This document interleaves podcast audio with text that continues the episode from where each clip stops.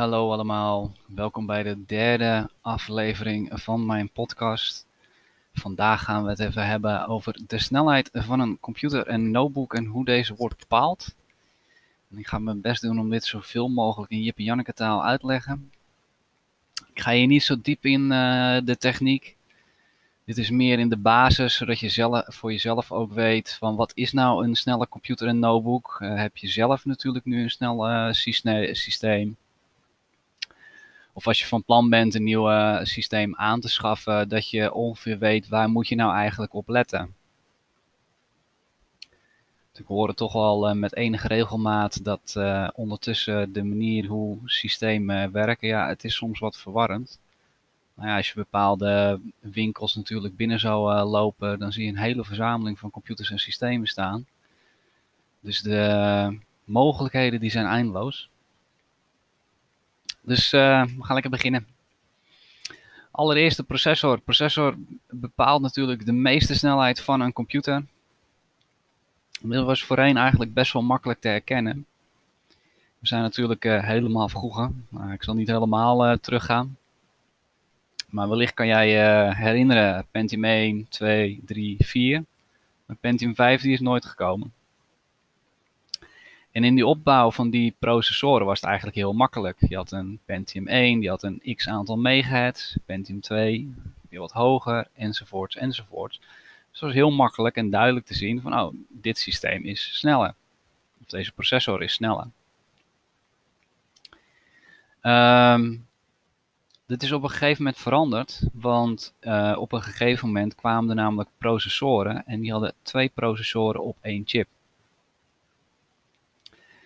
En toen ging de kloksnelheid, leek het, naar beneden. Dat was echter niet zo, want je had twee processoren, dus je had gewoon twee processoren die de snelheid verdeelden over uh, elkaar. Dus om hier een voorbeeld op te noemen, je kan bijvoorbeeld een uh, Pentium processor zien van 2 GHz. En een gebruikelijke uh, Intel processor, dat is bijvoorbeeld de i3. En daar staat dan bij 1,5 GHz. Dan in eerste instantie zou je denken, ja maar dan is die i3 toch langzamer. Uh, nee. in dit geval is een i3, dat is een dual core. Dus dat zijn twee processoren. Het zijn dus twee processoren van allebei 1,5 GHz. Die de belasting van het systeem gaan verdelen over die twee processoren. dit maakt hem dus sneller dan die ene Pentium 2 GHz. Tegenwoordig hebben processoren die gaan al met 6 of 8 cores. Dus er zit een bijzondere grote verbetering uh, natuurlijk uh, al in. Dan zit er technisch daarin nog best wel wat verschillen. Daar ga ik het nu uh, niet over hebben, want dan wordt het een stuk technischer. Een ander handig voorbeeld hoe jij je processor kan zien. Je processor, dat moet je maar zien als de verkeerstoren op het vliegveld. En met die ene Pentium processor waar wij het over hadden, dan zit er één mannetje in die verkeerstoren en die moet alles doen. En met die i3 waar we het net over hadden, dat was een dual core. Nou, laten we zeggen dat het dan twee mannetjes zijn. En dan kunnen ze wat taken verdelen onder elkaar. Hoe het allemaal geregeld moet worden. En snellere processor tegenwoordig met al 6 of 8 cores, nou ja, dan lopen daar gewoon uh, acht van die mannetjes in die verkeerstoren uh, rond. Die met elkaar zo goed samenwerken dat ze al dat werk heel goed kunnen verdelen. Dat is meestal een hele handige visualisatie bij het zien ervan. Um, er zijn twee maatschappijenprocessoren over het algemeen. Is AMD en Intel. Tegenwoordig heeft uh, Apple natuurlijk zijn eigen processor gemaakt. In smartphones en zo zitten andere type processoren. En we beginnen nu een beetje met de komst uh, van ARM-processoren, mede door Apple. Microsoft heeft er eentje gemaakt in de Surface Pro X, maar dat is nog niet helemaal doorgeschoten. Ja, nogmaals, dat is ook technisch, daar ga ik het dit keer niet over hebben. Ik focus me dit keer echt specifiek eventjes op de Intel-processoren en de AMD-processoren. Uh, Intel is voor de meesten eigenlijk heel bekend. AMD, ja, dat zie ik zelf altijd uh, een beetje als het underdog. AMD-processoren, die uh, hebben nog alles een hit en miss. De ene keer komt er een uit en die zijn echt gigantisch snel en veel sneller dan Intel. prijstechnisch zelfs nog goedkoper ook. Dus ze kunnen zich heel concurrerend in de markt zetten. Maar het is ook wel gebeurd dat ze een processor hebben uitgebracht wat gewoon het net niet is geweest. En dan lukt het ook gewoon echt niet. En dat, dat is heel jammer. Ik uh, gebruik zelf eigenlijk in mijn systemen altijd al een AMD. Ironisch genoeg, dat doe ik dat al, denk 15 jaar of zo.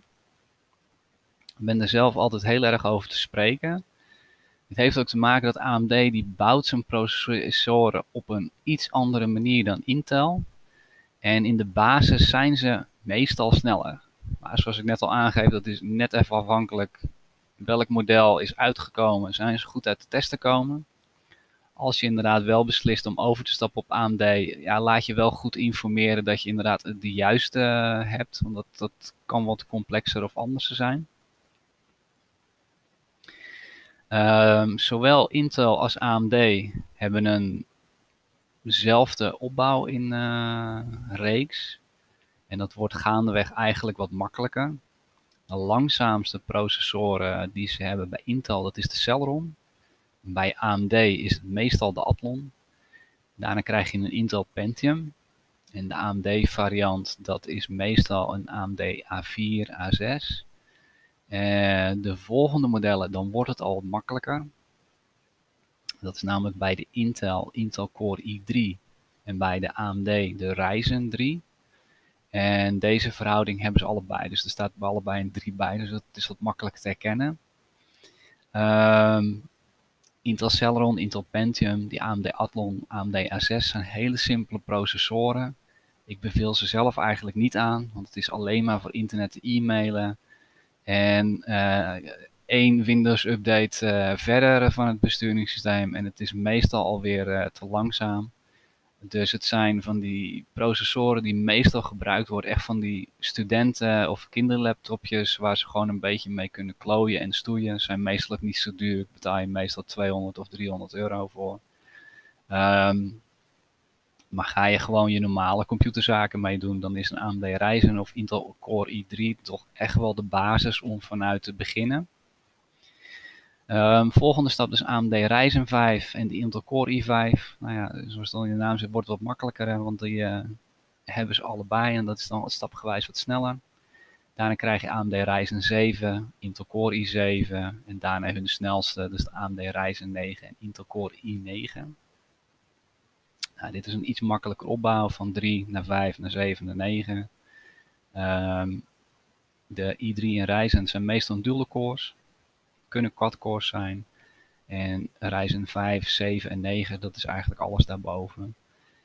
En je zal zien als je op zoek gaat naar systemen dat de kloksnelheid, dus de gigahertz waar we het uh, over hebben gehad, uh, enorm kan verschillen. Maar kijk dan goed inderdaad wat erbij staat.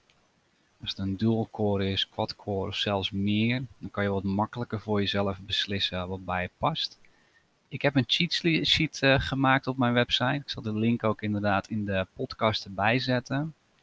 In de basis, AMD Ryzen en Intel Core i3 zijn eigenlijk voor internetten, e-mailen en als je wat meerdere apps gaat openzet. AMD Ryzen 5 en Intel Core i5, dat zijn de meest gekozen modellen. Daarmee ben je ook wat meer klaar voor de toekomst. Het zijn ook processoren bedoeld voor multitasking en ook als er over een paar jaar een grote Windows-update uh, komt, dan is de kans groot dat je laptop of computer gewoon vlekkeloos blijft werken. Dus dat zijn ook wel de processoren die uh, het meest gekozen zijn. Aan de Ryzen 7, Intel Core i7 ga je meer de kant op van foto-videobewerkingen. Ook voor mid-range gaming de AMD Ryzen 9 en Intel Core i9. Ja, dat zijn echt de paradepaardjes van uh, beide providers. Uh, er worden wel eens grappen over gemaakt dat je er een handrem moet op uh, zetten omdat ze zo snel gaan. De Ryzen 9, daar is een processor van uitgekomen, dat heet de Threadripper. Die heeft echt allemaal records gebroken voor hoe ongelooflijk snel die inderdaad was. Uh, maar dat zijn ook echt systemen bedoeld dat je uh, volop gaat gamen, de high-res Of dat je foto- en videobewerkingen gaat doen van over de 4K uh, videomontages. En dan kan je daar echt het meeste uithalen. Het volgende is je werkgeheugen. Wordt ook wel het interne werkgeheugen genoemd. Niet te verwarren met opslagruimte. Het interne werkgeheugen is heel belangrijk. Er worden namelijk tijdelijke processen in opgeslagen. Dus bepaalde toepassingen die ook vaker worden gestart, die uh, worden daarin opgeslagen. En het bepaalt ook uh, op heel veel stukken de snelheid van je computer. Om in een uh, vliegveldmetafoor te blijven, kan je het ook wel zien als een bagageband. Die dus eigenlijk constant bagage naar een vliegtuig toe brengt. Nou, hier geldt hetzelfde. Kijk, hoe meer werkgeheugen jij hebt, des te meer mannetjes die er zijn die dat allemaal kunnen regelen. Of dat er eigenlijk meerdere bagagebanden zijn, zodat een vliegtuig veel sneller is ingeladen. Um, het komt nu nog steeds voor dat er systemen zijn met 2 gig en 4 gig werkgeheugen. Dit is best wel beperkt. Windows 10 gebruikt van zichzelf al gauw 2 tot 3 gig werkgeheugen waardoor jij maar 1 gig werkgeheugen, al zou je 4 gig hebben, over hebt voor de andere apps en processen. En dan kom je weer in datzelfde scenario terecht. Nou ja, oké, als je alleen internet en e-mailen doet, dan kan het net. Maar als er ook al een YouTube-filmpje, een beetje Netflix en dat soort zaken bij komt, dan, dan schiet het meestal al gauw tekort. Um, het is nu al zo dat eigenlijk 8 gig werkgeheugen, dat wordt aangeraden. We leven nu in 2021. Voor het geval deze podcast een hele lange, langdurige periode tegemoet gaat, um, dan is 8 gig nu het minimum. En dat is zeker wel op te letten. De meeste laptops zie dat ook mee. Als je bijvoorbeeld kijkt naar laptops of computers met een AMD Ryzen processor uh, eh, 5 of een Intel Core i5, dan zie je ze ook heel vaak met 8 gig werkgeheugen. Dus dat is eigenlijk met elkaar al afgestemd. Dus als je die richting opgaat, zit je meestal gauw goed. Um, ga je meer met foto- en videobewerkingen doen of met gaming, dan is 12 à 16 gig werkgeheugen al aan te raden. Um, videobewerkingen zijn best wel veel eisend. Uh, gaming, dat, dat kan echt nogal veel meer veel eisend zijn. Er zijn laatst weer uh, recentelijk een aantal spellen uitgekomen die het grafische vermogen niet alleen belasten, maar ook echt de capaciteit van je systeem. En dan 16 gig werkgeheugen, dat is echt wel heel fijn om te hebben in dat soort systemen. Het komt zelfs al voor dat ze worden uitgerust met 32 gig uh, werkgeheugen. Geloof niet dat dit allemaal al gebruikt wordt, maar als je wel een systeem wil hebben die echt uh, voor de toekomst klaar is, dat betekent natuurlijk ook dat jij gaat kijken naar processoren zoals een uh, Ryzen 7, i7 van Intel of de AMD Ryzen 9 met een, of een Intel Core i9. In die uh, combinatie. Um, het volgende wat eigenlijk heel belangrijk is, dat is de opslagruimte. Kan je zelf natuurlijk bepalen hoeveel opslagruimte je gebruikt. Ik zie nog steeds systemen die wel eens worden geleverd met 128 gig opslagruimte. Hou er rekening mee dat je besturingssysteem al gauw 40 tot 60 gig gaat opsnoepen. Zeker als er updates worden geïnstalleerd, dan hebben ze extra ruimte nodig om dit te doen. En je zal heel gauw zien als je 128 gig hebt, dat uiteindelijk ook met apps installeren, uh, Microsoft Office of als je een cloud drive erop hebt staan, dat dat heel gauw 90 tot 100 gig vol is. 250 gig opslagruimte, dat is toch echt wel een mooie midrange om naar te kijken. Hiermee geldt hetzelfde als je trouwens op zoek gaat naar een AMD Ryzen 5, Intel Core i5 met 8 gig werkgeheugen de meeste worden al geleverd met een 250 gig opslagruimte. Dus wederom, het matcht zich uh, heel makkelijk. De snelheid van je opslagruimte. Voorheen gebruikten we harde schijven. Tegenwoordig gebruiken we SSD's. SSD's flashgeheugen en veel sneller dan een normale hardschijf. Het komt soms nog voor dat ik systemen zie waar daadwerkelijk een normale harde schijf uh, in zit. Je zou bijna denken van dat doen ze niet meer. Maar ja, soms zitten ze er toch nog in. Dat is dan meer bedoeld om marketingtechnisch een bepaalde prijs te creëren met een aantal specs om het interessant te laten lijken. Trap er niet in, want normale harde schijven worden echt vrij snel langzaam. En dan moet je alsnog een keertje een upgrade uitvoeren, dus dat is zonde. Deze systemen worden geleverd met een SSD. Er zijn twee soorten SSD's. Je hebt ze in een 2,5 inch formaat. Dat is de nou ja, traditionele laptopschijf. En tegenwoordig kunnen ze het ook op het moederbord plaatsen. Dat noemen ze PC Express. Die 2,5 inch, die kunnen tot op heden maximaal tot een lees- en schrijfsnelheid van 500 MB per seconde. Nou, dit is al, uh, geloof vijf keer sneller dan een normale harde schijf. Dus als je überhaupt een systeem met een SSD hebt, die gaat er sowieso op vooruit. Um, maar als je er eentje krijgt met uh, op het moederbord zelf, dus zo'n uh, M2 PC Express, die heb je al met 3000 MB per seconde. En dat is ook een stukje techniek die ze alleen maar door gaan ontwikkelen. Er gaat, naar mijn mening, straks een punt komen dat die 2,5 inch eigenlijk uh, straks het daglicht niet meer zien.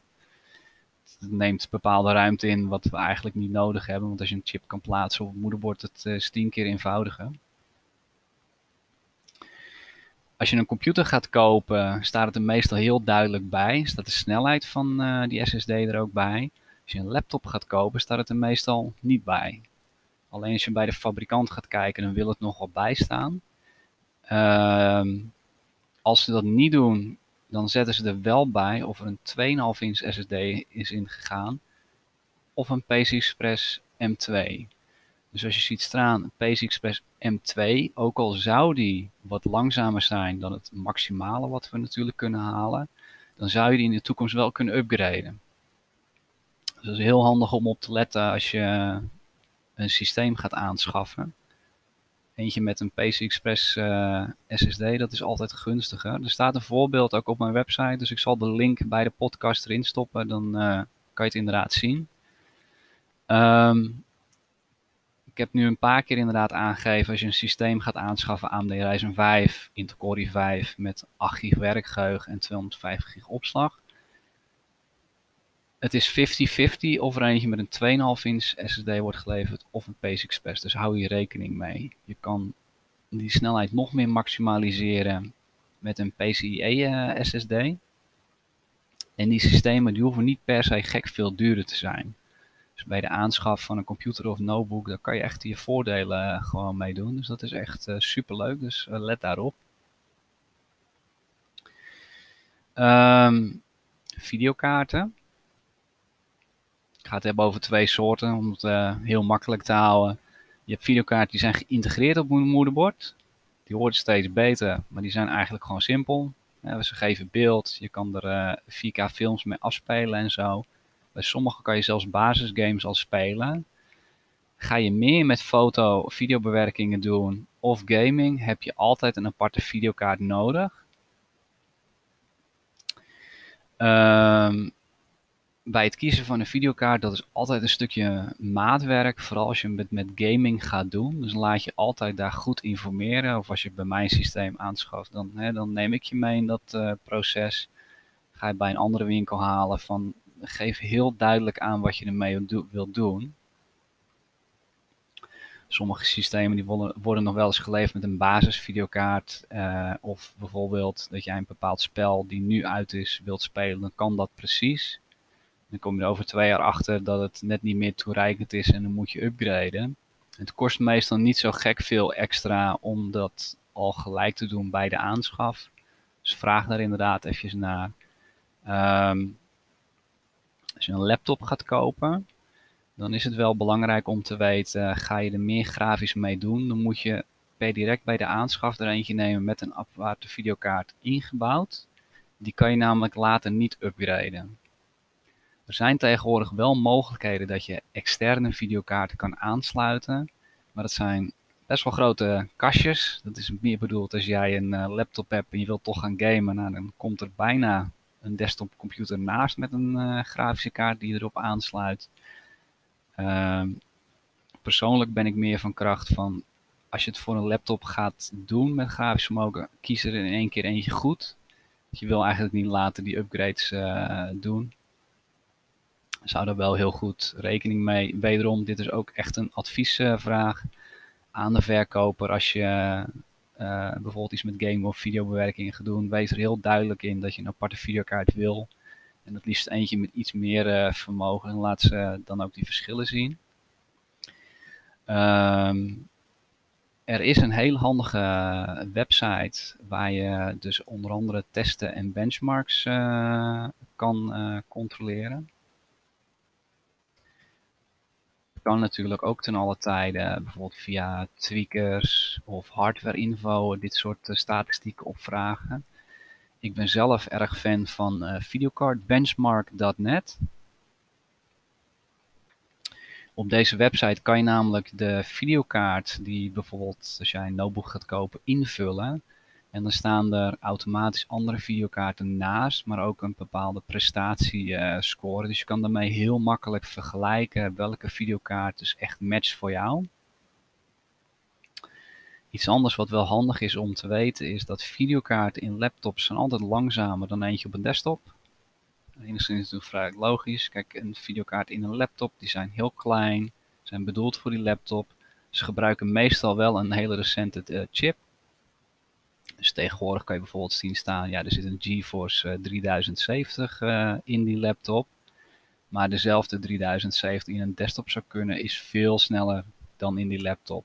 Dus als je bijvoorbeeld gaat kiezen tussen een gaming laptop of een computer, Persoonlijk raad ik je altijd aan om een computer te nemen, want er zit veel meer vermogen in. En die zal het ook veel langer blijven doen dan die laptop.